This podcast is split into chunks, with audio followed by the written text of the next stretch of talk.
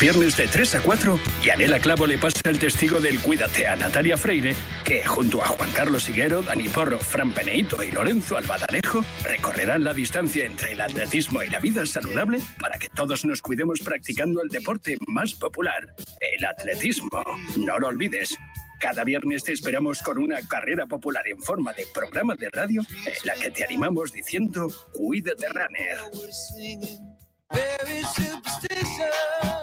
¿Te imaginas un programa de dos horas todos los sábados con los mejores colaboradores, grandes torneos, algunos de los deportistas mejor pagados del mundo, destinos sin igual, gastronomía para chuparse los dedos y una tertulia muy diferente a todo lo que hayas oído? Pues todo lo tienes en Bajo Par en el programa de golf de Radio Marca. Todos los sábados, sin excepción, de 9 a 11 de la mañana. Con Guillermo Salmerón y los mejores especialistas del golf español.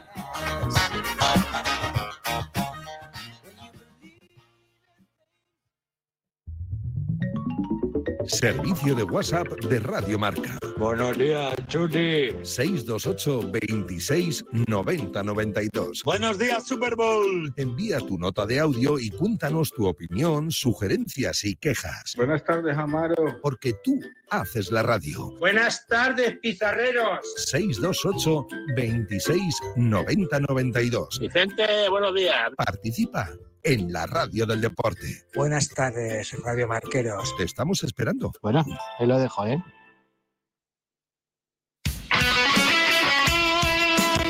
Radio Marca se emociona.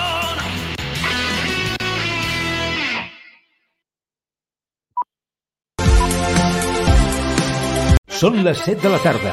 Benvinguts a Ràdio Marca. Comença el Tribuna Marca amb un home que si pogués faria el programa damunt d'una bicicleta pujant al Turmalet, baixant a la Font del Pi i per les dunes del desert del Sàhara, caçant de tariganes. Joan Prats.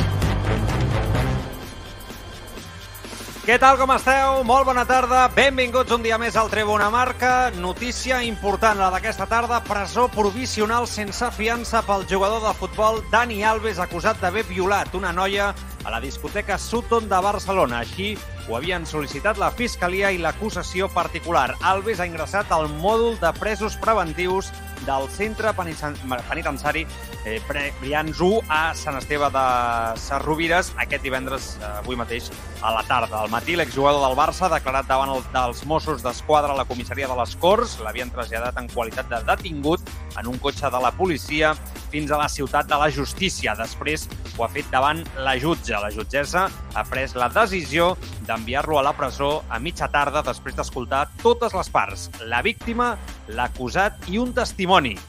Un testimoni que ha declarat també i que ha sigut clau.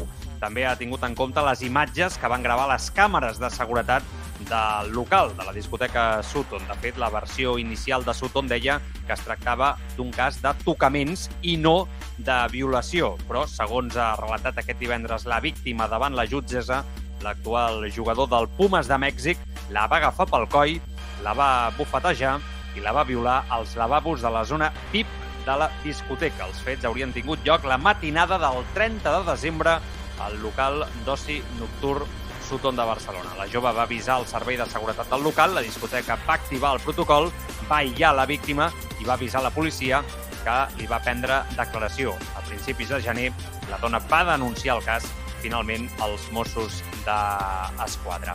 Bé, és sens dubte la notícia desagradable, tema difícil. Ara ho comentem en aquest divendres amb el Marc eh, Truco, eh, perquè sens dubte és una de les notícies desagradables de la temporada, m'atreviria a dir, però en clau esportiva ja tenim rival pel Barça a la Copa del Rei. Ja sabeu que és la Reial Societat. La setmana vinent es disputaran ja aquests quarts de final després d'un sorteig pur que ha determinat també un Real Madrid, Atlético de Madrid, un Osasuna Sevilla o un València Atlètic Club. Ara després ho acabem de comentar, enmig dels rumors de fitxatges encara, amb molts noms a sobre de la taula, encarant ja el partit del diumenge davant del Getafe. Bé, molts temes a sobre de la taula en aquesta tarda de divendres i amb el futbol a plena velocitat. Eh? Després de l'aturada que va representar el Mundial, ara sí que hem agafat velocitat de creuer i això es nota eh? en el dia a dia quan repassem també aquí l'actualitat esportiva. Marc Truco, què tal? Bona tarda, com estàs? Què tal? Bona tarda, bon divendres. Eh, colpejat per la informació. Sí, sí, sí. sí, sí. Sí, ara, ara ho comentem, sens dubte. En directe a través de Radio Marca Barcelona, a través de radiomarcabarcelona.com, a través de l'aplicació mòbil de Radio Marca Barcelona disponible per iOS i per Android, a través del Twitch, podeu participar deixant comentaris, twitch.tv barra el Tribuna, a través de YouTube també, cada dia som més també a les dues plataformes, fet que us agraïm, sense cap mena de dubte, a través del Telegram, Tribuna Barça, és en aquest cas el, el grup, el TikTok es diu Tribuna Marca, tenim Twitter, tenim de tot. Eh? Veieu que són virals, és socials. Eh... és que sempre riem amb això perquè nosaltres mateixos internament sempre fem la conya de que tenim moltes coses i que no arribem a tot. No arribem a tot. O sigui, abans tu tenies un programa de ràdio i et dedicaves a fer un programa de ràdio. Ara et dediques a fer un programa de ràdio multiplataforma, has de conèixer de totes les plataformes, cadascuna té la seva història i no és fàcil, eh, truco? O sigui, realment no és fàcil. No et formen per això. Perdona, multiplataforma i multitasca. Perquè fa temps Sí, que sí, clar. el programa de ràdio el fem, eh? que ja Un any. apretant botons, eh, disparant Sí, sí, coses, sí, sí, no? sí, sí. Abans hi havia uns productors, uns tècnics de so, un periodista, un guionista, un Ah, locutor... un- Control, eh, Ara, tot, tot. con dos i una canya, vinga. Bueno, sí. Eh, vamos a pescar. Eh, Vamos a saludo als del chat, eh? el Togromi, el Juanito Guapito, el Luis eh, Cáceres de YouTube, el Danis P87, eh, l'Andrés, el Palala... Bé, bona tarda a tots i ja veig algunes eh, opinions també que ara llegirem. Bueno, per tractar el tema de la tarda, eh, Truco, és un tema que evidentment doncs, s'ha de posar en quarantena, eh, Clar. amb molt de compte, com mm, tota aquesta mena d'assumptes no? que evidentment sobrepassen els aspectes esportius, no hi ha cap mena de dubte al respecte, i que, evidentment, doncs, eh, és un tema molt, molt desagradable que eh, ha anat eh, a més. Sigui, ha anat a més. O sigui, a mesura que hem anat coneixent detalls, el que semblava al principi una història, doncs ha anat, s'han anat coneixent els detalls i la veritat és que ha, ha pres una acceleració no? a nivell informatiu en el llarg del dia d'avui eh, on ens ha colpejat a tots per la gravetat dels fets, per qui és el personatge en si també, no? I no ens enganyem, un dels eh, jugadors més importants de la història del Barça, ara mateix, segurament en el moment més dur de la seva vida personal, vull dir, perquè això, insisteixo, és molt dur. Eh, a partir d'aquí, que la justícia faci la seva feina. No es pot dir massa més al respecte, no? Clar, eh, evidentment, evidentment, perquè si un comença, comença a llegir les informacions que van apareixent d'aquest cas, doncs a tots ens pot escalfar la boca, tots podem començar no, a sentenciar, evidentment a opinar, i després doncs, hi ha unes persones implicades que s'ha de veure, no?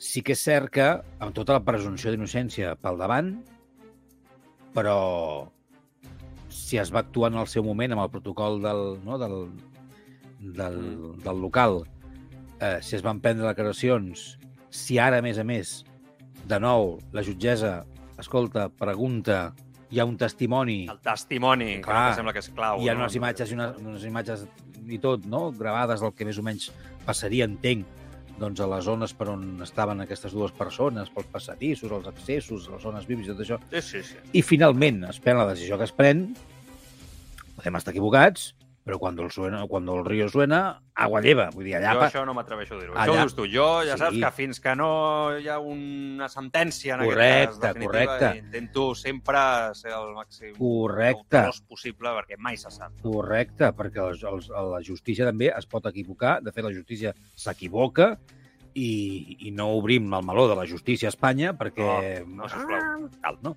Però, que vull dir, d'entrada, el que podem pensar és que, home, si passa tot això, és que alguna cosa deu haver passat. No ho sé, haurem d'esperar, evidentment, perquè és una mica terrible que puguin passar, o que passin coses com aquestes una vegada més, no? Eh, però, clar, tampoc vull parlar molt més pel que estem dient, no? Perquè Exacte. podem llançar... Uah, de, vinga, no? Ja, ja, ja no, s'ha ja, ja, no, molta cautela. a mi el que, el que, el que bueno, per dir-ho d'alguna manera, respectant, evidentment, doncs, que el més important aquí és la víctima. Si, que, si ha passat alguna cosa, el més important aquí és la víctima i, per tant, és a qui s'ha de protegir i és a qui ha de tenir tot el recolzament i l'ajuda i tal i qual, no? Eh, però, però és fotut que un jugador, en aquest cas, no? És, una pena, més que és una pena, no?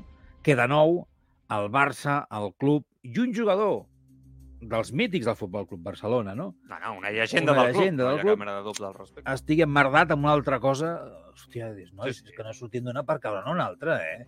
És que el Barça Però no, es- seria es, tampoc no es, desem, el primer no es que desempallega. a personatge públic i eh, persona admirada en la seva matèria, sigui quina sigui, no té per què ser un futbolista, eh, amb una edat ja madura i doncs, comet errors com aquest i, i se li va al cap d'una manera terrible. Eh, bueno, en fi, no seria el primer cas, no? també s'ha de dir a l'altre. Bueno, per tant, no. jo demanaria cautela. Futbolistes, actors, cantants... Nosaltres, nosaltres demanem cautela eh, a l'hora de tractar aquesta mena de situacions i que la justícia, doncs, evidentment, parli per si sola. Sí que és veritat que, evidentment, eh, bueno, eh, quan es demana una presó sense fiança Clar. per un acusat, en aquest cas, és que hi ha un indici molt clar per part de la justícia, no?, de que aquests fets, o que, la- o que l'acusat, en aquest cas, és culpable, no? Després s'ha de veure i la justícia ha d'actuar.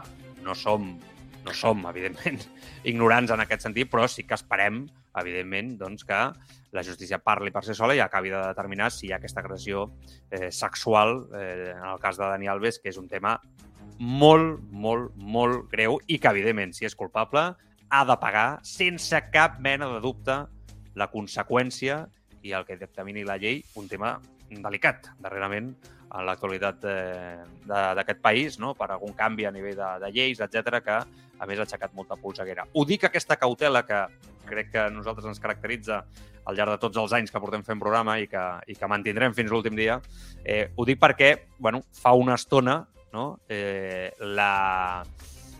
Clar, m'ha sorprès una mica, eh, sincerament. Eh, m'ha sorprès bastant, eh? La consellera d'Igualtat i Feminismes, Tània Verge, ha afirmat en una piulada a Twitter que ser ric i famós ja no dona cap mena d'impunitat per exercir violència sexual. Aquest cas demostra també que la implementació adequada dels protocols contra els assetjaments i les agressions sexuals en els espais d'oci és capdalt. Eh, ha, afegit el, la membre no, de, del govern eh, català. Clar, eh, escolta, precisament quan jo crec que amb aquests temes s'ha de ser cautelós, tot i que, eh, tornem a repetir, si és culpable que ho pagui, no som dubtosos al respecte, hòstia, em sorprèn, Trucó, no?, que el polític llenci a la piscina no? i utilitzi el cas ja, perquè precisament el polític hauria de ser el més curós, precisament, sobre la, el camí i la feina de la justícia en aquesta mena de casos. No? I em m'ha sorprès, sincerament, que arribi el polític i digui bueno, jo no sé si és culpable o no, però jo utilitzaré això no? perquè eh, giri entorn al meu discurs, no? una clara línia en aquest sentit. Eh, de, bueno, em va bé, no? Em va bé. Aquest cas em va bé perquè convergeix molt bé amb el meu discurs. Hòstia, a mi m'ha sorprès, sincerament. Jo crec que el polític, si nosaltres dèiem que hem de ser curosos, els ciutadans en si, sempre davant de qualsevol situació com aquesta, el polític el doble, sota el meu punt de vista, clar. Eh, sí, el que passa que, clar, jo, en aquests casos que vull creure i entendre no, que, primer de tot, que evidentment un cas com aquest doncs és, és de destacar per part de l'administració o del polític que està defensant no? unes normatives, unes lleis, uns canvis educacionals, eh, uns drets fonamentals, en el fons, no? i que li vagi bé destacar-ho. Com dius tu, davant del tema de, de la presumpció d'innocència i tot això, doncs bé, com que és qui és, igual ha despenjat un telèfon, ha trucat a algun palau Clar, de justícia, llavors- ha preguntat... Llavors, si tens aquesta No ho sé. informació, ho, has de dir. Llavors, públicament. El que no val és utilitzar No, no en aquest sentit. No, no, no, de no. primera mà per fer tuits vantatgistes. No, ja. Has de dir-ho, llavors. Bueno, no, home, però vull dir que vull, igual... I nosaltres, per exemple, estem dient no sabem què ha dit el testimoni, no sabem què s'ha vist a les imatges, potser el que ha dit el això testimoni i el que s'ha vist a les imatges i les declaracions d'uns i altres, mm, Per això, doncs ja... per això mateix. I per Per això, això mateix, Marc. Per això mateix. clar, però potser la potser la consellera no és ningú per dir, no?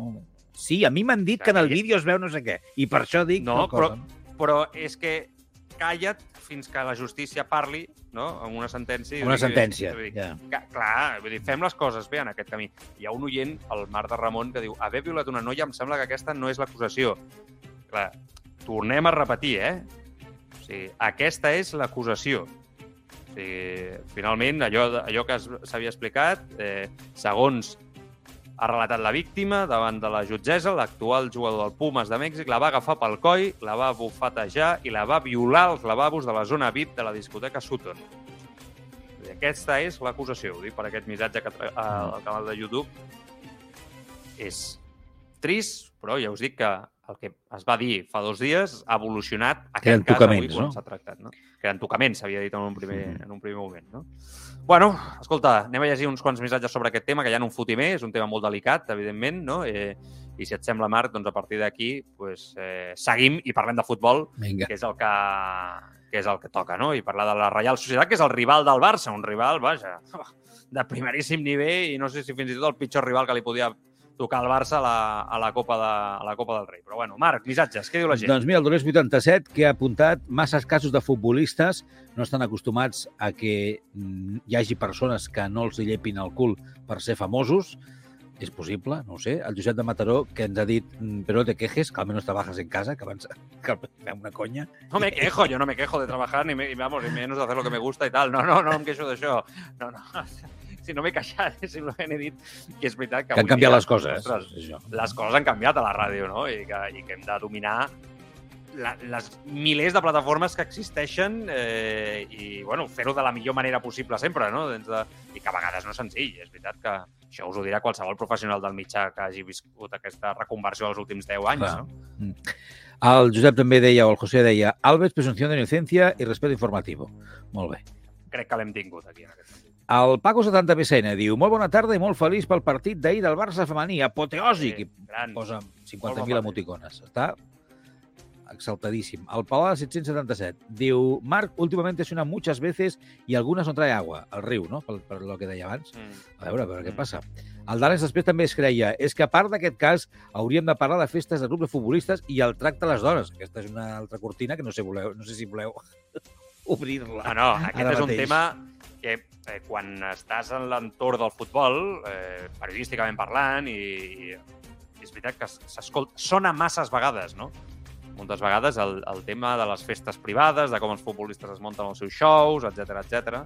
Eh, és veritat, no, no tots els futbolistes, clar que no, per suposar que no, que estan en el seu dret de fer el que vulguin, la, vulguin a la vida, el que jo no, que cadascú ho faci en festes privades, jo m'és igual el que faci els futbolistes, però clar, evidentment, sempre, com diu aquest oient, amb un tracte adequat no? cap a no les dones, sinó cap als homes, les dones, eh, vull dir, cap a tothom, no? de respecte. Poder gaudir sense malmetre a ningú, no? Jo crec que aquesta és la, la clara línia. I moltes vegades, l'entorn del futbol, que suposo que es refereix, es refereix a aquest oient, s'escolten bajanades. Bajanades eh, en part de l'entorn del futbolista. Totes certes? No, segurament que no.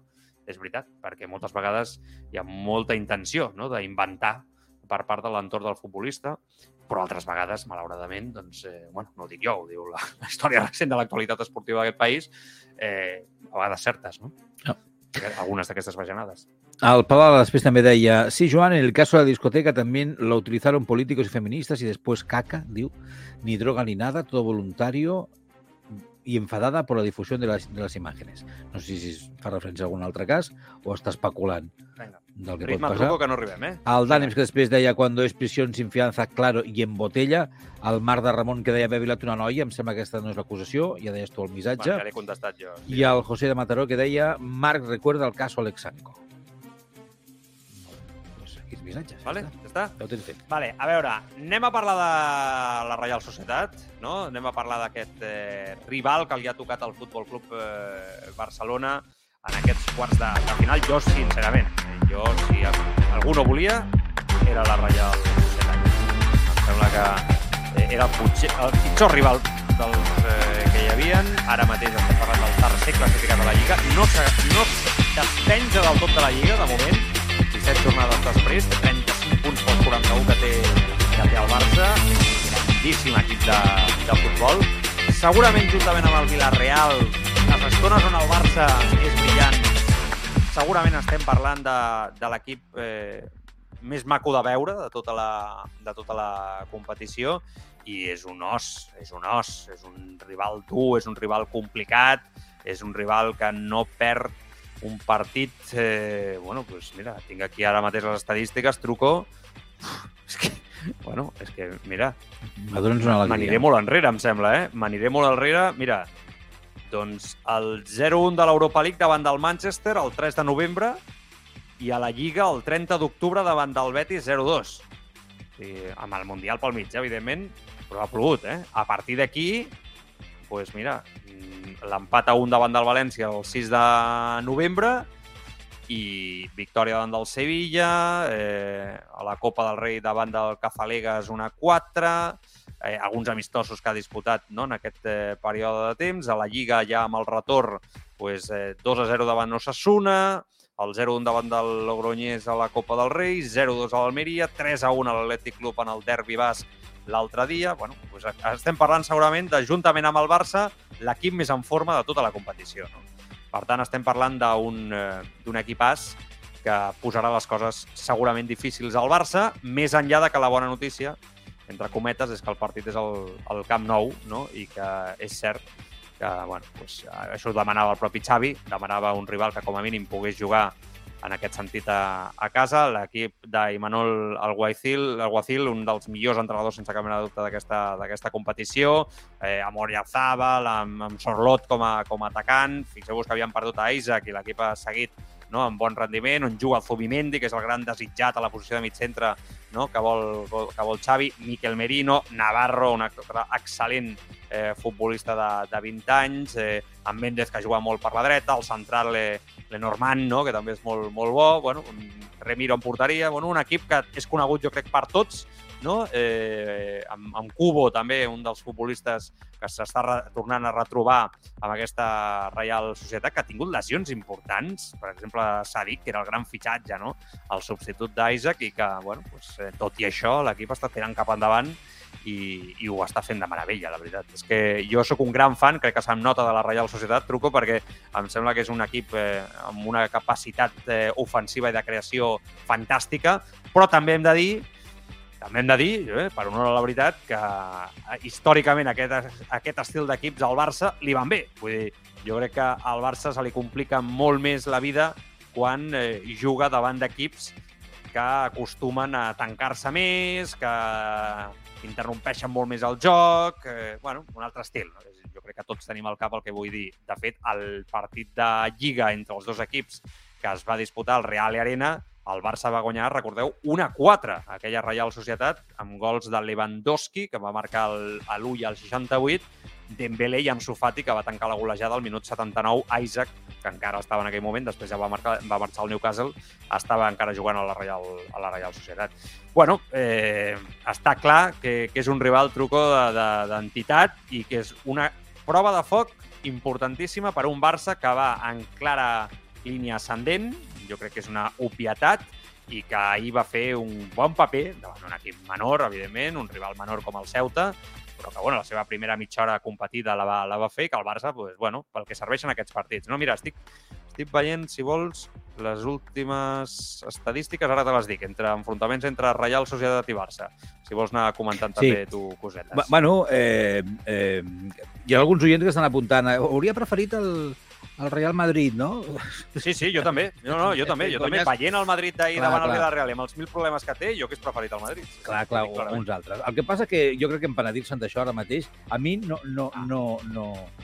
Vull dir, sense, sense semblar, era molt hiperventilat i que ràpidament ens posem, no? Comencem a fer castillos en el aire. Però, però aquest Barça em comença, em comença a olorar a ser capaç d'enfrontar-se als rivals importants, que és el Sí. que necessita. És a dir, Començo jo també a tenir aquestes sensacions d'equip fet, de, Que- de mimbres. Clar, sí, sí, sí, és un equip, és un equip mm, amb, bueno, com l'has dibuixat tu, no repetiré res, però és un equip al qual tenim molt de respecte i que et pot fer molt de mal a la Real Societat? Sí, però el Barça ha de guanyar aquests partits ja. Ha de saber jugar contra la Real Societat, tenir-ho més difícil, potser, que respecte a uns altres, però imposar-se. Imposar-se perquè sabem que la capacitat la té. La té de jugar, de controlar, de jugar ràpid, de xutar... de confiança, no? De, de, que és el que fallava. el I que- ara ja, com a mínim, veus un equip que a nivell de confiança eh, comença a creure en les seves possibilitats i aquest factor és clau, el tema mental, en el futbol actual. Que t'ho posaran difícil? Ah, espera't eh, a la Champions, quan tornis a la Champions. Si t'ho posaran fàcil Ben o t'ho posaran difícil. Ah, doncs has de començar a poder jugar contra els equips grans, contra els Sí, equips sí, forts, sí, supuesto. contra els equips que... No, ho dic perquè Xavi sempre es queixa, no? Tenim mala sort als sortejos i tal, i, i jo estic Bueno, molt d'acord eh, amb aquesta clar. visió que tu esquimeixes. Vull dir, has de començar a dir que qui ha tingut la mala sort és la Reial Societat davant Exacte, del Barça. exacte. Vull dir que el discurs ha d'anar canviant perquè el Barça ha tornat definitivament, no? I, I que en aquesta fortalesa mental que estem veient en els últims partits, segurament encaixa molt bé aquest discurs de dir, no, no, el Barça està a totes, oi? Sí, sí, estic molt d'acord amb tu. Mira, tinc els últims enfrontaments, t'ho dic perquè veient els, eh, els partits es confirma allò que dic. Vull dir, la Reial Societat, tot i que sí, sempre els últims anys és un rival que quan li toca al Barça, tant a la Lliga com en competicions X, les que sigui, no? enfrontar-se mm, no és agradable perquè saps que t'enfrontaràs a un gran equip de futbol, és un dels equips que millor se li dona al Barça. Vull dir, perquè fins i tot en els moments de crisi d'aquests últims anys el Barça ha aconseguit victòries. Més enllà d'aquest partit que hem recordat, 21 d'abril del 2022, 0-1 guanya el Barça al Real Arena, al Camp Nou el 15 d'agost del 21, començar la temporada passada, la Lliga, 4-2 va guanyar el Barça, ja el 21 de, de març del 21, 1-6 guanyava el Barça al Real Arena en Lliga, la Supercopa, recordeu que es van enfrontar el, el 13 de gener del 21, 3 a 4 va guanyar aquell partit al, al Barça. El 16 de desembre del 2020, 2 a 1 victòria del Barça. 7 de març del 2020, 1 a 0 victòria del Barça. I per veure una primera ensopegada del Barça en aquest sentit davant de la Reial Societat, Societat ens hem d'anar un empat el 14 del desembre del 2019, vull dir, entrant en plena crisi blaugrana de ple, 2 a 2 uh, Ja. a Sant Sebastià. I eh, per anar-nos a una victòria de la Reial Societat, eh, doncs jo de moment estic- m'estic anant al, al 2015. Eh? Mira, el 2015, 4 de gener de 2015, després de les vacances nadalenques, 1-0, victòria de la Reial Societat. Abans, Torrons. sí que és veritat que veníem d'un 3-1 de la Reial Societat davant del Barça la temporada anterior, el 2014, i un empat a 1 aquella mateixa temporada també Barça-Reial Societat. Per tant, bueno, tot i que hi ha un tram on en l'última dècada sí que és veritat que és un equip que se li travessa al Barça, en els últims 5-6 anys crec que, evidentment, es demostra que, tot i la dificultat del rival, és un equip que se li dona bé. O sigui, Crec que és una obvietat. Doncs mentre no sortim confiats, que és el problema, l'altra no? cara de la moneda, sortir confiat, eh, jo sortiria con- content, content, amb alegria i a per totes. És a dir, això que he dit ara mm, vol dir que el Barça ha de seguir jugant content, amb alegria, perquè els jugadors els torno a veure feliços, com a nissos, però al 200% sempre, en tots els partits. Sí, sí. Està, està claríssim. Del partit d'ahir, sí. bueno, comentem ràpidament, si vols, eh, dos claus, no?, que jo crec que s'ha de, s'han de... Tot i que tampoc és un partit que es poden extreure eh, conclusions molt definitives, eh? perquè jo crec que és un partit que és davant del Ceuta, evidentment, i és, és la, Copa de, la Copa del Rei. Ara, ara és quan la Copa del Rei no? eh, comences ja a enfrontar-te a rivals de, de primeríssim nivell, però escolta, davant de l'Intercity gairebé te'n vas cap a casa. Vull dir que sí, sí. Eh, és molt una competició molt ingrata, que davant d'aquests rivals eh, tens molt a perdre i molt poc a guanyar, i ahir el Barça va donar sensacions d'equip molt seriós. És veritat que la primera mitja hora no va transmetre les millors sensacions, jo crec que això és, eh, és evident, que el gol de Rafinha, que sempre és el més complicat d'aquesta mena de, de partits, mm, desencalla el partit i a partir d'aquí el canvi de Gavi per Pablo Torre, que jo crec que Xavi detecta que el partit al mig del camp necessita, necessita una marxa més, no? sí que ja fa que el Barça flueixi d'una altra manera clarament a la segona meitat i, i sigui molt superior com s'esperava. Però en clau negativa jo crec que hi ha un jugador molt assenyalat que és Ferran Torres. Ara comentem en clau positiva, eh? que n'hi ha molts noms i no, no volem ser negatius. Vull dir que ja dic que es poden extreure conclusions positives, però en el cas de Ferran Torres, bueno, és que el partit és horrible. Els 60 minuts que juga fins que entra en Sofati per ell és eh, molt dolent. En el mateix dia on es publica no, que ha demanat aquesta ajuda psicològica, com vam explicar ahir no, al programa, surt davant d'un equip com el Ceuta i la sensació que tens és que Ferran Torres ara mateix al Barça, no vull dir que no tingui qualitat per jugar al Barça, eh, que se m'entengui, perquè a més jo sabeu que jo he defensat aquest fitxatge des d'un punt de vista de qualitat, una altra cosa és qualitat per repreu, això ja és un altre debat, però ostres, la sensació que podem tenir tots no, després del partit és que ara mateix Ferran Torres, per aquesta crisi de confiança que té tan gran, és que no serveix ni per jugar aquests partits a la Copa del Rei davant del Ceuta. O sigui, estem en una situació amb aquest futbolista de crisi absoluta. Absoluta, no? Eh, és és eh, 55 milions després un tema que no es deixa de complicar, va a més, va a pitjor i, i no té sensacions, Marc, de que la situació es vagi arreglar d'una forma ràpida, perquè és que el jugador jo cada cop el veig pitjor i més enfonsat sobre la gespa. Clar, perquè, mira, avui estàvem, és avui que estan parlant al despatx d'expectatives. Eh, Sí, bueno, cada dia. Sí. Sí. sí. No, però, però bueno, avui, avui sí. d'expectatives no, no, expectatives, per tant, no aconseguides, no? Eh, no sabem què és el que eh, Vols internament... dir que va amb seu- això? O No, va més no amb sé, una no sé, no, sensació no, de no. pressió de pressió sobre no poder suportar la pressió del que espera la gent de tu.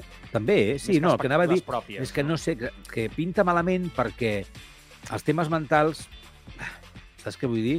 Eh, el tema de no creure-s'ho, el tema de no tenir prou confiança, el tema d'haver de suportar aquesta pressió, perquè, clar, és, ens ho podem imaginar, no? Si surts al terreny de joc amb aquesta pressió a les espatlles, si cada vegada que t'has de posicionar, si cada vegada que has de fer un passe, si cada vegada que has d'avançar, que has d'intentar xutar a porta, notes i sents aquesta pressió, és a dir, el ai que no la cagui, ai que no la cagui, ai que xuti marqui, ai... Això és impossible. És impossible. Aleshores, no sabem I si a sobre, perdona, s'espera de tu alguna que tu no has tingut mai. Vull dir, com a futbolista. És que, jo, és que a més això jo crec que greuja la, la situació. Vull dir que Ferran Torres és un jugador que tàcticament sempre ha sigut molt apte, molt intel·ligent, Però això... un jugador que això no ho perdrà mai i que els entrenadors ho valoren. Xavi sempre ho diu en rodes de premsa. Jo crec que és una obvietat. I, i sap mínimament de futbol, veu que és un jugador que obre espais, que, que fa molta feina bruta, que, que, que ajuda. Però clar, clar, també fa moviments per posicionar-se en situacions clares de gol, perquè això és el Barça i generaràs moltes oportunitats. Ell mai ha estat, jo crec, en un equip on generi tantes ocasions de, de gol. És veritat que en el City és un equip semblant, però el City no jugava tant com juga el Barça, no? en aquest sentit. A més, ja la tram final estava lesionat i, i clar, es troba que se li exigeix el gol, perquè a qualsevol davanter del Barça se li exigiran sempre xifres golejadores molt més altes. I allà ell fa, allà ell té una pràcticament sol davant del porter, que, que és una crisi de confiança en el control, etc que, que demostra que el jugador ja no és que no tingui gol de per si, si és que aquest, aquest discurs que tant s'ha escoltat, no? Ferran Torres no pot fallar, no pot fallar... Jo crec que se l'ha acabat emportant pel davant. Allà amb el Carlos dèiem, no? Recordem aquell partit que va acabar plorant davant del Nàpols, que evidentment estava al seu dret, però era el tercer, quart partit de Ferran Torres, va fallar una infinitat d'ocasions de gol i va acabar plorant un partit de futbol que dius, ja, jo crec que allà ja es va veure que el Barça havia estat irresponsable en el fitxatge des del punt de vista del, de, de com era aquest jugador mentalment. Jo sempre demano que el Barça fitxi jugadors, em repet- em repeteixo amb aquest argument, però és que ho torno a dir, crec que és molt vàlid per tractar aquest tema. El Barça ha de fitxar jugadors que cregui que futbolísticament encaixen, aquesta ha de ser la primera directriu, però després ha de fer una feina de scouting brutal, d'investigació sobre com és mentalment aquest jugador, quin entorn té, per veure si encaixarà o no encaixarà per suportar la pressió d'un club tan singular i tan difícil com és el Blaugrana, Marc. És únic. No, i a més, a més, ara que deies això, estava pensant, jo no, jo no sé exactament eh, quin és el procés, però a moltes grans empreses, a moltes multinacionals, hi ha uns departaments de relacions eh, eh, eh, diré, de recursos humans, Recursos humans. de recursos humans que treballen amb, amb, no? amb, amb la psicologia i amb mil tests i amb mil proves per saber exactament no? com reaccionarà aquella persona, com actuarà, com, si és dèbil o no sé què, si té falta de confiança en alguna cosa, si... i s'ho miren molt, no?, en alguns casos. Per tant, jo, com dius tu, no sé si el Barça ho aplica, però està clar, sobretot pel que hem vist en els darrers anys, que s'hauria de treballar molt més aquest aspecte. És a dir, per evitar inversions de pasta gansa i, i, i després, amb tots els respectes pel Ferran, de pèrdues de temps si la cosa no funciona, perquè aquí estem perdent tots el temps. El jugador, doncs, doncs, amb la seva carrera, el que sigui, però el Barça, com a equip i com a club, està perdent el temps Sí, sí. en tenir 55 milions d'euros després. els diners i el temps, perquè si no... cosa. Aleshores, També jo, et dic que si Ferran Torres no hagués postat 55 quilos, segurament l'exigència seria diferent i el punt de vista sobre la pressió seria completament diferent. però estaria, però, no sí, ens però fins i tot, però fins i tot el seu paper en l'equip seria un altre. Segurament. Sí, perquè segurament si, si Ferran Torres hagués arribat cedit del Manchester City, si el City li generava dubtes al seu estat de forma, la seva recuperació de la lesió, etc, i el Barça arriba cedit per observar Ferran Torres, segurament el Barça no se l'hagués quedat a Ferran Torres amb els sis mesos que va fer, no? Clar. Jo crec que és obvi. Vull dir, el City han d'estar avui molt contents perquè han aconseguit endollar un jugador que ni molt menys estava fet perquè el Barça pagués 55 milions d'euros. La crisi en la qual estava el Barça, la psicosi en la qual estava instaurada el Barça, ha fet que el club pagués una quantitat de diners per un jugador que és bo, que és talentós, internacional amb Espanya, tot el que tu vulguis, però que no està preparat per suportar ser titular a la davantera del Barça. Ni futbolísticament et pots donar et pot donar el que tu li exigeixes als teus davanters. No? Que més enllà de que generin futbol, li exigeixes una sèrie, unes mínimes estadístiques golejadores al llarg de la temporada. I ara mateix crec que és una obvietat el problema. És, és, un, és un marrón eh, pel club, és molt, molt difícil. Mm. Jo crec que l'expulsió de l'altre dia, eh, no? la, la lluita greco-romana aquesta de Savic, eh, amb Savic a Spartacus, aquesta lluita que van fer... A... Fem conya perquè és lamentable dir, per part de, del jugador de l'Atlético i per part de Ferran Torres eh, crec que això no s'hauria produït mai amb un Ferran Torres centrat i en, el seu, i en un bon moment perquè cau a la trampa del jugador de l'Atlético clarament, no? Eh, un futbolista sí, sí, de l'Atlético Savic sí. que és, és habitual d'aquesta mena d'accions i situacions, però mai Ferran Torres, no? És, eh, té molt mala pinta, eh? Té, ho hem, malauradament ho hem viscut moltes vegades a Can Barça i té molt mala pinta, però ja no perquè Ferran Torres pugui triomfar al Barça, sinó perquè el Barça pugui recuperar la inversió, Marc, i pugui trobar una sortida per aquest nano. Perquè, ostres, en forma de sessió jo crec que Ferran Torres tindrà recorregut, d'això no tinc cap mena de dubte, en molts equips. I aquest, per mi, seria el camí més segur. Però vendre'l, em sembla impossible. Per 50 quilos o 55, impossible. Sí, pel bé del Barça la situació hauria de ser una altra i hauria de canviar. Estic, sí, estic totalment d'acord. I jo insisteixo, eh? a mi m'encantaria que la situació canviés, no només pel Barça, sinó pel, pel jugador, però entre, entre el que dius tu, no? Vull dir, és, és una caïda a los infiernos, és un kamikaze japonès ara mateix. Eh, clar, és a dir, ell mateix demana l'ajuda, la necessita, no està bé, no se n'en surt, eh, li donen minuts, és a dir, li donen confiança per i tampoc... Clar, això, la, la bola de neu va baixant per la ladera de la muntanya i es va fent grossa. Ah, sí. sí, sí. Ahir era un partit molt trampa per molts d'aquests jugadors eh, suplents que van jugar, perquè si ho fas bé davant d'un Ceuta, entra dins de la normalitat i surts d'alguna manera no, eh, han reforçat, no? reforçat de cara a l'entrenador. Si no, com Ferran Torres, amb aquesta sensació de dir, joder, és que ni, ni amb el Ceuta, no? Vull dir, és que ja, és que ni així, no? bueno, a l'altra cara de la moneda jo crec que hi ha dos jugadors que a més són fitxatges d'aquesta temporada, que d'ahir van sortir molt reforçats. Un és Rafinha, gol i assistència i bons 80 minuts que va estar sobre la gespa, amb molt bon rendiment, va marcar, va assistir... Vull dir, segueix amb aquesta sensació de que Rafinha segueix lluny del que potser esperem com a crack, no? que costa 65 milions d'euros, però amb certa sensació de que és un jugador perillós, de que és un jugador que, que pot tenir creixement al Barça i a mi, personalment, amb més sensació de perillositat que Dembélé, sobretot de cara a porta. Però, bueno, això ja són fiques d'un altre panell. Sabem que Dembélé està molt per sobre de, de, dels altres extrems per, eh, per Xavi. I l'altre és que sí, Aquí sí que jo crec que ens hem sorprès tots una mica amb un jugador que, ara en parlarem d'ell, està a la rampa de sortida, com a mínim amb un interrogant a la rampa de sortida per veure si acceleren o no a la mateixa per part del club. Ell es vol quedar, o això sembla, però que està clar que les últimes intervencions que ha fet jugant amb el Barça veus una altra cosa. Mai serà un jugador titular al Barça, mai el Barça el va fitxar per ser un jugador al mig del camp titular, perquè per això ja tens els Gavi, els Pedri, els De Jong i companyia, però sempre allò de el, el, el, recurs, un jugador més físic, un jugador un pèl diferent, amb un futbol més directe, no? que sempre va bé tenir-lo com a recurs, insisteixo, mai com a norma. I amb aquesta línia, jo crec que ell mateix està trobant el seu, el seu rol, no? sortint a les segones parts en algun moment que no ha desentonat entonat, ho ha fet prou, prou bé i ahir, sortint de titular, marcant un gol, dues assistències, segurament juntament amb Lewandowski va ser el millor del, del partit. I escolta, que mai s'associarà, bueno, ja veurem com evoluciona, com Pedri, eh, com De Jong, que mai tindrà no aquesta pinta, lectura no. de l'espai i temps, no té pinta del joc no. posicional, però si tu vas a buscar ara això, perquè aquest recurs l'entrenador el demanarà sempre a, a un altre equip, aquest nivell, no? que sí, et costarà uns diners. Aquest jugador no ha costat res. Va venir amb la carta de llibertat sota el braç. A mi em sembla que començo a pensar, Truco, que hem, que hem encertat, eh? Amb aquest que sí. Bueno, si no recordo malament, les primeres sensacions que vam tenir era de, de sorpresa amb que sí.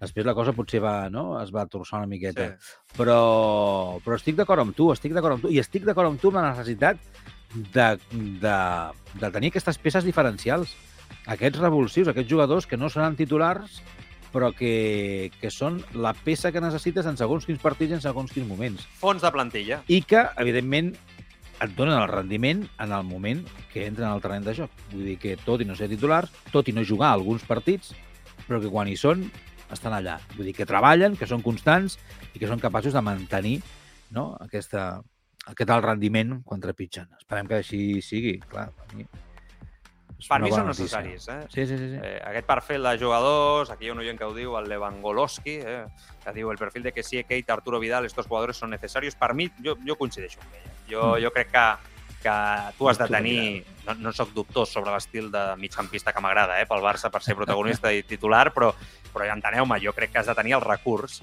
El problema és que quan aquest estil de jugadors, Paulinhos, Arturos Vidals, no? i companyia són la norma. Aquest és el problema. I és quan llavors sí que et traeixes en l'estil. No? Llavors sí que realment tens un problema, crec, com a club, en, en aquest cas el, el Barça, si el que vols és jugar un joc posicional i el que vols jugar és un, un futbol reconeixible a l'ADN Barça. No? Però quan és l'alternativa, a mi em sembla molt interessant. Partits com el d'ahir, jo espero que un jugador com Kissier no? pues, eh, destaqui, igual que, que Rafinha. El problema és més Ferran Torres, no?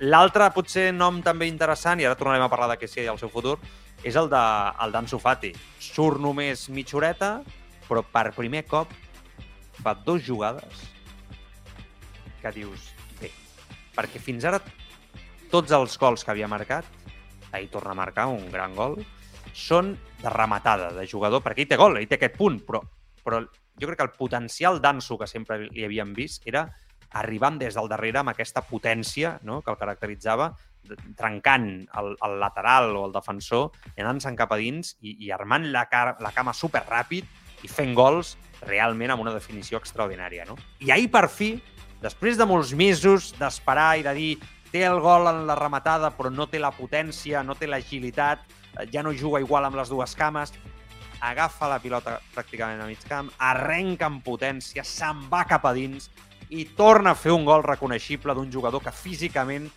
té potència i recupera les seves sensacions. Fins i tot després va haver un altre contraatac on la va treure molt bé el porter, però va tornar a tenir un cara a cara que també va, jo vaig tenir la sensació de dir, Ansu l'estem recuperant, no?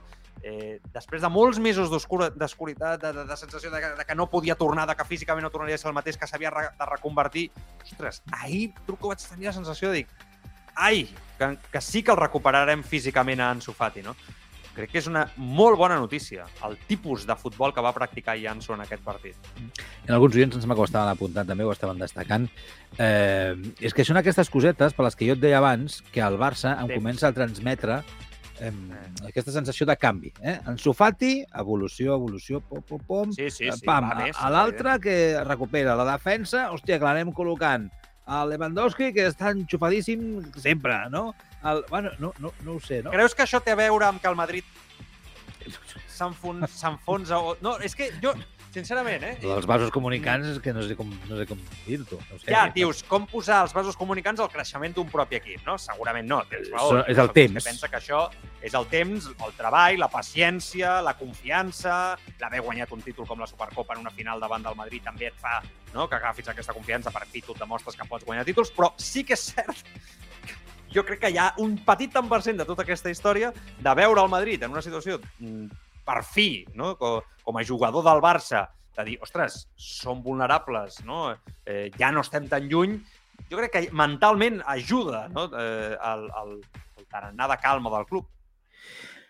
Mira, no ho sé. Jo no sé si els jugadors... Sí, sí. Home, potser, jo no sé si els jugadors del Barça... Penso, Alguns potser sí, alguns potser sí.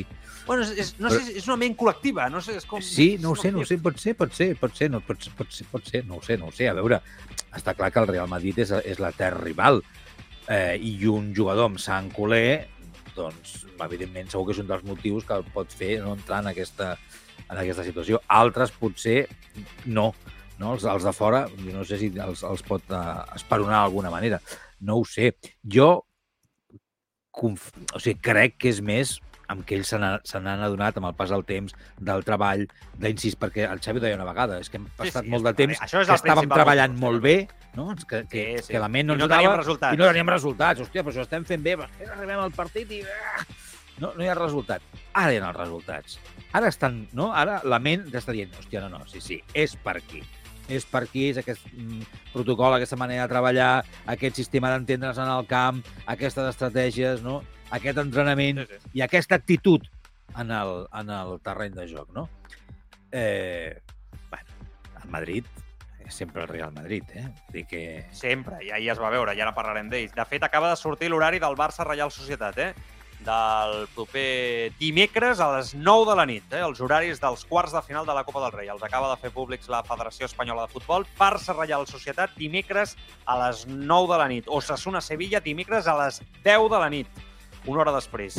I dijous València Atlètic Club a les 8 i Real Madrid Atlético de Madrid, el derbi a les 9. Aquests els del dijous. El del dimecres a les 10 de l'Osasuna Sevilla és, té mèrit, eh? O sigui, el partit acabarà a les 12 passades. Quin Un escàndol. dia laborable. Bueno, en fi, hi ha coses que no, que no canvien. El Barça li ha tocat a les 9 el dimecres, que, bueno, encara és un horari eh, salvable, tot i que a mi el de les 8 m'encantava, eh? aquest horari Millor, no? de, de les 8 eh, jo crec que és el, el, el millor, segurament. No? Del partit d'ahir, bueno, el Madrid li va anar d'un pèl, sincerament. No? Eh, Villarreal 2, Madrid 3, eh, li va anar d'un pèl. O sigui, sabeu que, que Puig i Huece van marcar els dos primers, que Vinicius, Militao i Ceballos al 86 van sortir a la, al rescat de, del Madrid de- d'Ancelotti, que, bueno, jo crec el mateix Ancelotti va haver d'esbroncar públicament a Rodrigo quan el va substituir per no saludar-lo. Crec que és evident que alguna cosa està fallant més enllà del futbolístic en aquest equip i Ancelotti segueix intranquil. És el que transmet a la banqueta, a la pròpia roda de premsa. Així va explicar el problema amb el brasiler després d'aquesta classificació per quarts de final de la Copa del Rei del seu equip. Eh, Rodrigo, al cambio, eh, la- creo que en el, en el descanso tenía un, un músculo un poco cargado he preferido no arriesgar. Eh, Rodrigo ha hecho sus deberes, no ha saludado porque ha olvidado, pero para mí no cambia nada. Bueno, no cambia nada, pero algún jugador que no te saludó el año pasado estuvo tres partidos sin jugar y alguno no volvió a jugar más. O sea, ja veurem, eh? perquè Ancelotti jo crec que ha demostrat que no es posa nerviós per res, a mi és una cosa que m'agrada molt d'Ancelotti, no? Ja amb una edat i amb molta experiència, sap com va això del futbol i sap com gestionar el futbolista jove, però que si algú es passa d'allí, d'allí el deixa a la banqueta i, i no té cap mena de problema. És evident que el, que el Madrid no, no està fi, no, no rutlla en aquest inici de temporada d'any i, i jo crec que en la temporada sencera, sincerament, no he acabat de veure de nou el Madrid. Crec que Ancelotti té part de culpa perquè l'equip està fos físicament i que després hi ha una altra part, no? Crec que és evident que és que ells s'han tastat en seguir amb els de sempre i crec que hi ha jugadors que ara mateix, com el propi Ceballos, uh, Marco Asensio, no? bueno, sí, Asen sí, jo crec que Asensio també. Asensio també ha donat un pas endavant que estan demanant més protagonisme pel davant dels intocables, no? I això de que els entrenadors es casin amb jugadors i amb estrelles, normalment eh, no acaba de sortir del tot bé. Ara, al Madrid mai el pots donar per mort. Ho dèiem ahir, 2 a 0 a la mitja part, el Villarreal jugant un gran futbol, sent millor que el Madrid, segona part, el Madrid tira d'orgull i et fot tres gols, no? El 57, el 69 i el 86 i està a quarts de final. Bueno, eh, les crisis del Madrid sempre són menors que qualsevol altre equip. Sigui, això és així històricament, eh, Truco? Sí, perquè és això del gen, del gen eh, ganador, no? Que, eh, vull dir, encara que vagi malament, té que... I sí que és veritat, i, i recentment l'hem vist mm, eh, una mica no? descol·locat en el, en el terreny de joc, caçant mosques, però té allò que molts pocs equips tenen, i és aquest, eh, no? aquesta capacitat de, encara que vagin mal dades, Ells li diuen el gen. Sí, sí, encara que vagin gen mal dades, hòstia, hi ha qualitat, la qualitat està allà, no? per a, eh, en algun moment s'escapi algú, la col·loqui, Sí, una jugada que no t'esperaves, que, sí. s'ha- que la defensa s'ha col·locat malament i que t'aglasca. Això és així, eh? ho estem dient, però si no soluciona, evidentment, aquests problemes immediatament Ancelotti per baixa forma també d'alguns seus futbolistes, aquest Madrid no arribarà massa Clar, lluny. en les això és una altra cosa, sí, on sí, sí, sí, sí. No, no, el problema és que no pugui Mm. fer mal puntualment quan te'l trobes pel camí. Sí, sí, això sempre. Aquest és el tema. Això sempre. Això sempre. Sí, sí. Bueno, també són, sempre. però són cicles. Jo crec que també el Madrid igual no necessita potser un, un dia d'aquests un canvi de plantejament, potser d'entrenador també, de projecte, potser, eh? no ho sé.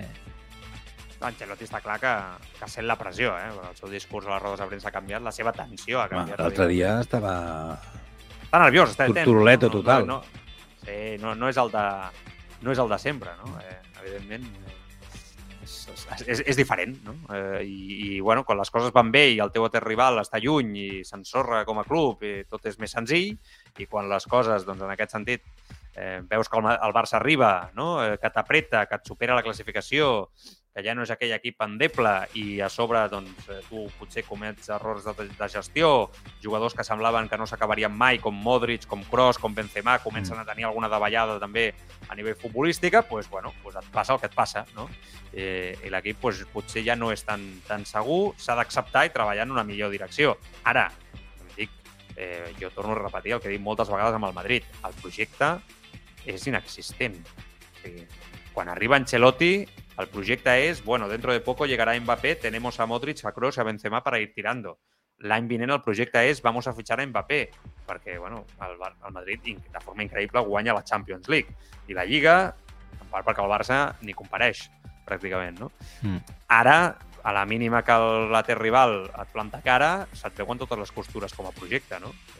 No tens Mbappé, has fitxat de jugadors joves, però molts joves, molts d'ells, i encara han de donar un pas endavant, i per cert, ahir, jo no sé què et sembla això, no ho has vist, el tema de Chouameni lesionat, i mentre el Madrid es jugava la vida davant del Villarreal, el tio estava a París veient el partit entre els Detroit Pistons i els Chicago Bulls de la NBA a París.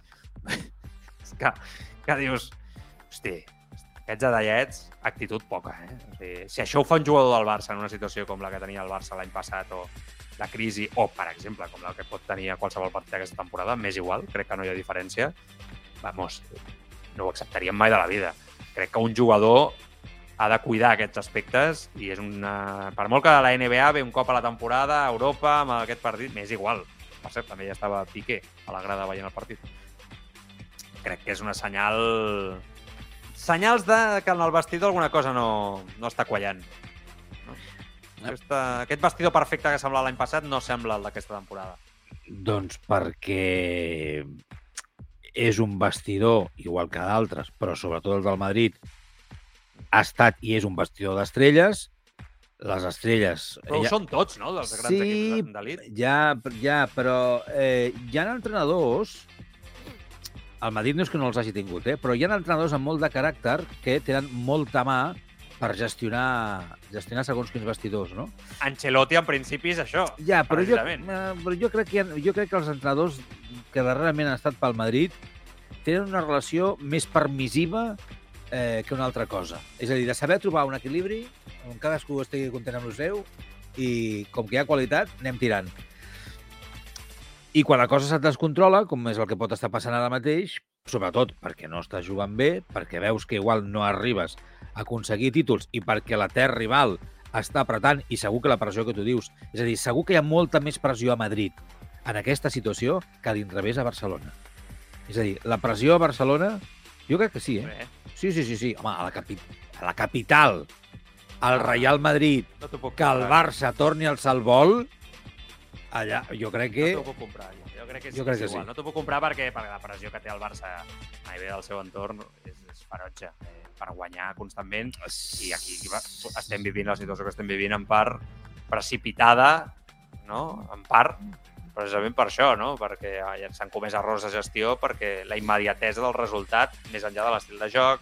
Jo crec que la pressió és igual als dos jocs, sincerament. Són, són ferotges, eh, ferotges i, i la premsa és dura, és exigent... Jo dic que no em fa són... a mi la sensació, eh? Dic que no són iguals.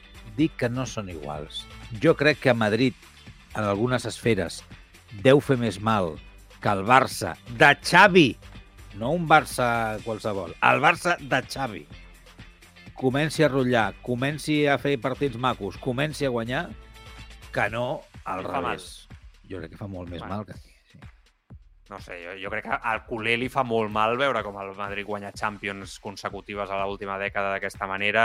La, molt mal vol dir molt mal. No, no vull obrir ara feri, ferides ni moments. Sí, home, clar, perquè jo crec que sí. ha tocat molt la pera, eh? Sí. Però veure quan tu estàs malament a un Madrid no? eh, sòlid, guanyant títols, jo crec que fa molt de mal. Però bueno, no obrim aquest debat. No me l'obris. Que no me l'obris perquè això, és, això segurament és, és molt llarg. És Sí, molt, sí. molt llarg. Mira. tema fitxatges. Uh, bueno, anem per parts, perquè aquí em sembla que, que hi ha diferents noms i que fins al dia 31 de gener encara hi haurà molts protagonistes. A veure, el primer, sobre que sí, avui el Diari Esport explica que el Futbol Club Barcelona ha demanat una reunió amb la gent del jugador per saber la seva predisposició a acceptar marxar a l'Inter de Milà en un intercanvi directe amb Brozovic, que és aquest jugador que a Xavi sembla que li agrada per suplir a Sergio Busquets i que personalment a mi també. Segons aquesta informació, al Barça hi ha divisió d'opinions respecte al futur de Kessie, un jugador que agrada el cos tècnic, però bueno, sembla la sensació una mica que hi ha des de fora és que el podrien sacrificar si el que arriba és Brozovic, no? jugador més veterà, però més fet, i que sí que dona la sensació que encaixaria no? per ocupar aquesta posició. Seria, de tots els noms que estan sonant, a mi l'únic que sí que realment m'ha esperonat, eh, el de Brozovic. L'altre és el tema de Guedes. Ahir vam parlar. Bueno, finalment ha estat refusat per part de Mateu Alemany i Jordi Cruyff. Atenció a aquest tema perquè és interessant. El jugador se'n va al Benfica, s'ha dit finalment, tot i que Xavi deia que li agradava com a substitut de Memphis Depay, però l'àrea de futbol li ha dit que no perquè no el veuen en el seu millor moment, ja que opinen que el Barça ha d'arribar jugadors amb més nivell i no d'aquest nivell mitjà com Gonzalo Guedes. Xavi ho ha acceptat sense problemes, tot i que, insisteixo, a Xavi li encaixava el fitxatge de, de Guedes. Ahir, després del partit davant del Ceuta, li van preguntar pel tema fitxatges, que Xavi és el primer que ha dit que si sortia algú havia de venir algú a substituir-lo, no? Bueno, doncs eh, Xavi diu que si finalment no arriba ningú, que tampoc és cap drama. A ver, tampoco sería una tragedia que no viniera nadie, pero hombre, si nos pudiéramos reforzar, pues mucho mejor. Pero contento con la plantilla. Memphis ha pedido, ha pedido salir, ya dije que estaba muy contento con todos, pero él ha pedido marcharse, era una oportunidad para, para él y lo ha pedido personalmente, así que nada, eh, ha llegado a un acuerdo con el Atleti y, parece ser que, firmará. No sé si es oficial o no, pero, bueno, extraoficial, pues bueno, eh, te puedo contar esto solo. Ja és oficial, eh, que avui mateix s'ha fet, eh, fet oficial i Memphis ha dit que abans de fitxar per l'Atlético de Madrid ha trucat a Griezmann eh, per veure com, com era el club i algunes, algunes cosetes. Bueno, eh, jo sincerament, jo mantenc el meu discurs de que jo no fitxaria si no és per portar un jugador que realment millori la plantilla. Jo crec que hem d'aprendre dels errors dels últims anys i que la plantilla és llarga, té alternatives, alguns jugadors no estan potser arribant al nivell, alguns dels noms que han sortit del programa, no cal repetir-ho, però, escolta, si pots fer un moviment que sigui per portar un jugador, no trobo que sigui important, no, no per perdre el temps després, perquè després que te'l menges, no saps com treure'l de sobre, és el que deia jo ahir amb Guedes, deia, mi Guedes no em serveix, és sort que algú li ha fet veure a Xavi, no?, en aquest sentit del club, i el Barça ha refusat l'opció de fitxar-lo. S'ha de ser molt curós amb qui es fitxa, i més amb la situació del club actual. Sí, sí, a més, és que a més portem temps eh, generant aquesta opinió, no som els únics, no? Eh, em sembla que fins i tot va ser Minguella, no? que recentment amb una, amb una d'aquelles eh, reunions de compromissaris i tal i qual, deia algú, quan es va presentar el tema de les palanques, voteu si les palanques, no les palanques, em sembla que va era... sortir a parlar aquell dia, no? Sí, i que va dir, a veure, eh, tenim un planter de joves jugadors i tal i qual, fem un equip potent, contem amb la gent de la casa, amb allò que valgui la pena, i si s'han de fer inversions, si s'han de fer palanques i tot això, portem els un, dos, no? Jugadors cracs, indiscutibles, tops, que, que facin falta, no? Però, uh, clar, el anar fitxant, el problema aquest, fitxem aquest, ara 20 milions per aquests, ara 15 per l'altre, ara 25 per no sé què, ara 40 per aquest, i al final després ens passa el que passa que no... És que ens hem de preguntar què necessita aquesta plantilla, no? Jo, jo crec que és lo... Quan, quan Xavi diu això, dius, a veure, has perdut un jugador que no utilitzaves, que és a Memphis Depay, perquè tu estàs utilitzant els atacants de dalt, no? Eh, clarament que tots, són, tots sabem quins són, i fins i tot ara has tret un extrem en molts partits, o els partits clau, per posar un migcampista més. Per tant, què necessites? No? Jo crec que és el que ens hem de, ens hem de plantejar. Eh, si s'ha d'anar al mercat és per reforçar la plantilla amb la necessitat. Fitxar un davanter tu... o un extrem més jo crec sincerament que no, no portarà absolutament res, sobretot amb els noms que estan sortint. Eh, portar Brozovic, sí, però si perds a Kissier, bueno, també perds un efectiu. És veritat que Brozovic et pot donar després eh, no? una certa continuïtat en els propers anys, substituint a Busquets, que ja veurem si, si es queda. Una, una necessitat és el lateral dret de primeríssim nivell, un fet que ara mateix està suplint amb Araujo i amb Condé amb plenes garanties, però que tot fa pensar que hauria de, de ser suplert en aquest sentit. No sé, és que jo veig una plantilla molt completa i molt equilibrada. Més enllà, tema, més enllà del tema del lateral, dret, jo crec que o fitxes un jugador diferencial o aquí no cal portar ningú. I el que cal fer és renovar d'una punyetera vegada o inscriure els Araujo, els Gavi i Exacte, companyia, que aquest tema sí que em sembla més greu. Sí, sí, sí, sí. Estem d'acord. Crec, eh? Vaja. Sí, sí. De seguida llegim eh, missatges, anem a veure que, quina decisió pren, eh? En aquest cas, eh, el Barça amb Kessie i amb aquest tema de Brozovic, quan sapiguem més us ho, us ho comentem, però, bueno, eh, un últim tall de Pep Guardiola, que s'ha fet viral, sens dubte, en el dia d'avui. Aquest és Guardiola ahir després de la remuntada davant del Tottenham, encenent tots els llums d'alarma sobre l'actitud i la fam de títols dels jugadors del Manchester City en aquesta temporada. A nuestros comentaristas se preguntaban qué, qué Pep dijo para sus jugadores en el medio tiempo, ah, porque los cambios no fueron tan técnicos y sí más de, de personalidad. Claro, ¿sabes cuál, ¿sabes cuál fue la razón táctica del cambio? Que perdíamos 0-2. Como perdemos 0-2, entonces reaccionamos. Entonces sí, somos capaces de hacerlo. Pero a nivel de eso, no hay, no hay energía, no hay, no hay pasión. Rico Lewis le dan cuatro patadas, evidentemente no nos sacan tarjeta amarilla porque es 18 años y es muy joven y nada pasa. ¿Sí? Ah, y no reaccionamos. ¿Quién lo defiende? No, no, no, hay, nada, no hay nada. Estamos, estamos como mm, cuatro ligas en prem- pre- cuatro premios en cinco años. Y, y yo veo al Arsenal la pasión. ¿Qué tiene el Arsenal? Dos décadas, 20 años en ganar una Premier. Y ahora mismo matan cada balón, matan. Y nosotros no. Nosotros jugamos bien. O que bien hacemos la salida de balón, la presión. Pero hay algo dentro, dentro que no tenemos. Em sembla que són impecables, aquestes declaracions. Impecables. M'encanta, m'encanta. M'en- Sí, sí, perquè és l'explicació de moltes vegades perquè alguns projectes guanyadors futbolísticament de cop se'n se s'ensorren i una temporada deixen de funcionar. I, i, I per què en el món de l'esport és tan difícil mantenir-se guanyant, no? I Guardiola, que precisament un dels motius pels que deixa el Barça és això, no? és allò de la panxa plena i si no marxo ens farem mal, a part de segurament altres aspectes eh, relacionats amb la presidència del moment, amb Sandor Rosé i companyia, però crec que és una evidència el que explica Guardiola i que clarament ens està dient a tots que l'etapa o el projecte seu al City comença a tenir no, senyals de decadència, tot i que acaba de renovar el contracte, jo, de moment, encenc els llums d'alarma sobre el que pugui passar amb Guardiola en, el, en un futur recent a la, a la banqueta, perquè Guardiola precisament ha demostrat això, que creu que mantenir aquesta competitivitat té una data de caducitat, no? I t'està donant unes declaracions molt clares i molt sinceres, que segurament busca amb aquestes declaracions esperonar els seus homes, també, que no hi ha cap mena de dubte. Però què important és, no només en el futbol, Marc, sinó també jo crec que en general, en qualsevol projecte de la vida, tenir fam, tenir gana, no?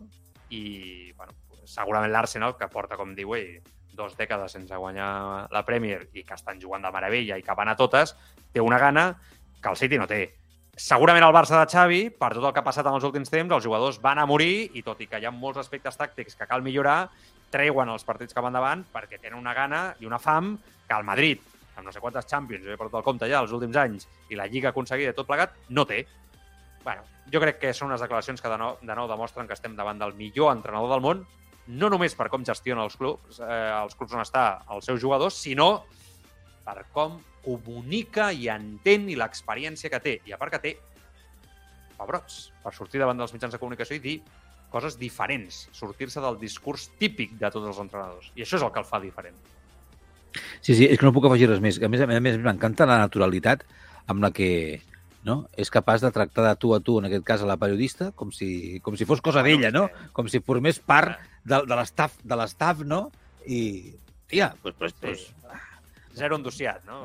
Sí, sí. Sí, bueno, sí. Home, a veure, jo crec que no el conec personalment i algú potser em voldrà portar la contrària, però crec que per fer aquestes coses has d'estar bastant bé d'humilitat, no? De, de, de no tenir no? segons quines coses al cap i parlar sincerament de feina, de responsabilitat, d'objectius, del treball, no? I, i, i, i compartir-ho amb els altres, no? Jo crec que, evidentment, ell és, és superconscient quan diu aquestes coses en públic, no? en una roda de premsa, eh, per arribar, com deies tu, a, als seus jugadors i, i, al, no? I, al, i, al, i, a la, i a la resta de l'aforament, no? I a tots nosaltres. I crec que està molt bé, a més que sempre ens ha agradat, no? Quan parla de futbol, en les rodes de premsa, les entrevistes i la capacitat que té de, d'analitzar-ho i veure-ho, i sobretot de, de veure moltes coses i compartir-les amb nosaltres. Està dubte. molt bé. Uh, hi ha noves informacions amb el tema de Dani Alves, amb el que hem Hòstia. obert el, el programa, amb aquesta presó sense fiança per eh, Dani Alves acusat de violar una noia en una discoteca de Barcelona. Eh, bueno, el periòdico publica literalment les declaracions de la noia, eh, que la noia que ha denunciat a Alves. Passo a llegir en castellà textualment. S'han filtrat les declaracions a la, a la, a la jutgessa? Sí, sí, sí, l'explicació a la policia eh, Ah. catalana de... Eh, bueno, eh, explicó a la policía catalana que el jugador brasileño la encerró en el baño de la zona VIP en una conocida discoteca, bueno, la que ya habíamos explicado antes, ¿vale? A partir de aquí, el rotativo catalán, el periódico relata la versión que la chica dio los Mossos de esa noche del 30 de diciembre, según explica, acudió a la discoteca junto a unas amigas y fueron invitadas por un grupo de origen mexicano a subir con ellos a la zona VIP afirma que un camarero se acercó a ellas para invitarlas y que en un primer momento reclinaron el ofrecimiento. Pero el cliente insistió y el camarero remarcó que se trataba de un amigo. A partir de aquí, finalmente accedieron y en esa mesa VIP había dos hombres, uno de ellos Dani Alves y el otro un amigo del jugador brasileño. Según la versión de la denunciante y que señala el periódico, Dani Alves comenzó enseguida a tontear con las tres, pegándose mucho a ellas y tocándolas. Posteriormente, el jugador se dirigió detrás de la víctima, supuestamente le, aga- le agarró con fuerza la mano y Alves se la llevó a su pene, un gesto que al parecer repitió varias ocasiones pese a la negativa de ella. Luego el jugador le señaló una puerta que la víctima desconocía y la conminó a seguirlo y acabar entrando.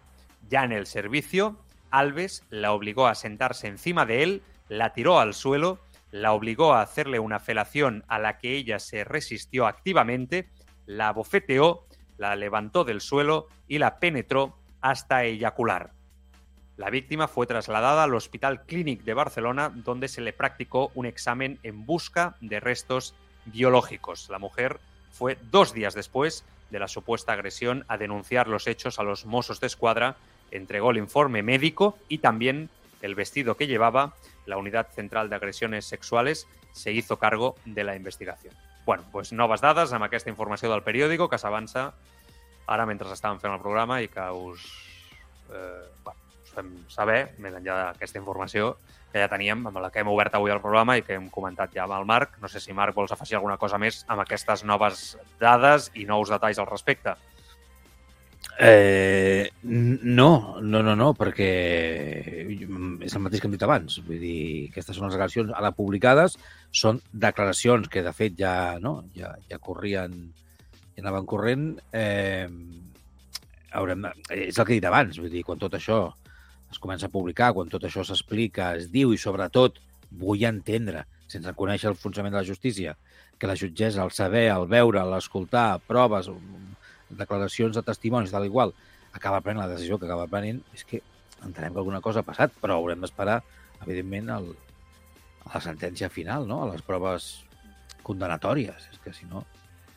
Però vaja, així d'entrada, doncs em sembla, si, si així ha passat, em sembla un escàndol. Em sembla un escàndol, eh, doncs això, que algú, és igual que sigui ric, famós, no sé què, és veritat que el poder, els diners, el, no, el famós, doncs sembla que tingui carta blanca per fer segons quines coses, però és igual, hi ha molta gent que actua així i no és ni famós, ni ric, ni tal. No sé. Bueno, uh, ara acabem, eh? però ens estem allargant una miqueta. Eh, Joan Laporta s'ha passat pel Twitch de la Kings League eh, fa uns, Hòstia. uns minuts. Ha aparegut eh, Joan Laporta, a veure si podem escoltar algun tall. Això, això va a salto de, a salto de mata, eh? Estic intentant aquí penjar eh, o intentar escoltar, a veure si es pot escoltar. Truco, aquest és el moment de l'entrada a la porta, al Twitch. Yo lo dije. Hostia, yo, yo, yo, yo, yo también puse ahí, ¿eh? yo olía cosas. Por favor, ahora tienes que decir el porro que tenías pensado. Por favor, por favor. Mucho gusto. Como mínimo. Que te levantes a saludar.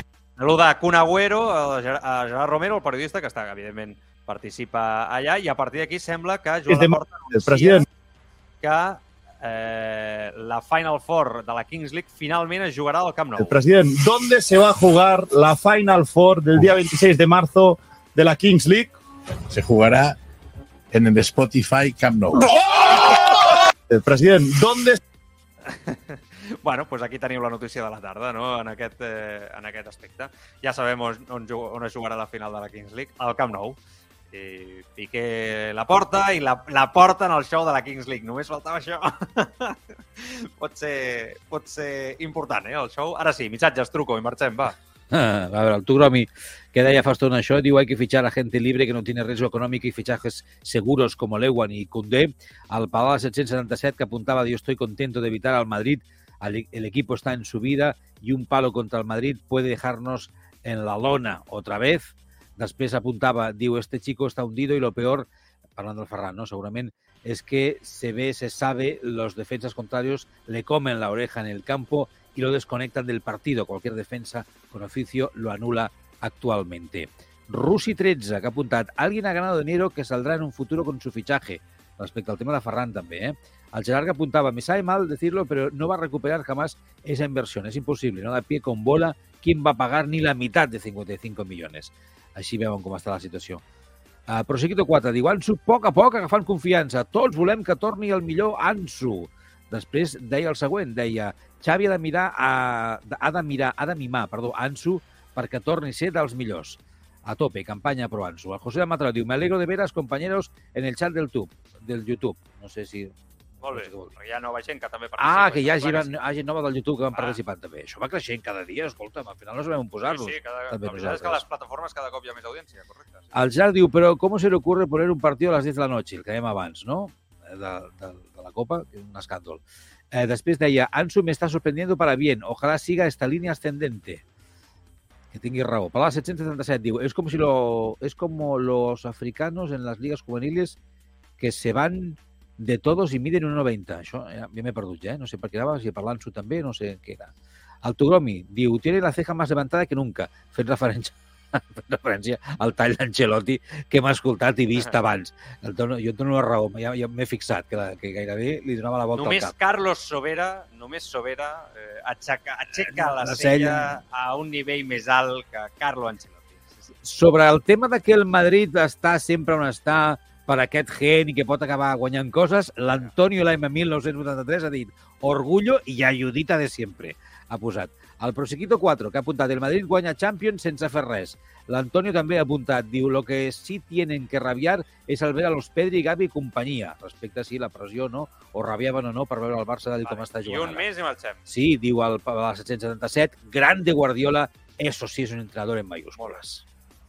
Bé, gràcies a tots per eh, participar. Gràcies, Truco. Bon cap de setmana. A tu, igualment.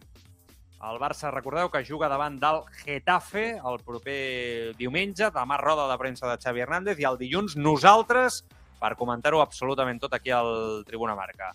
Sigueu feliços. Adéu-siau.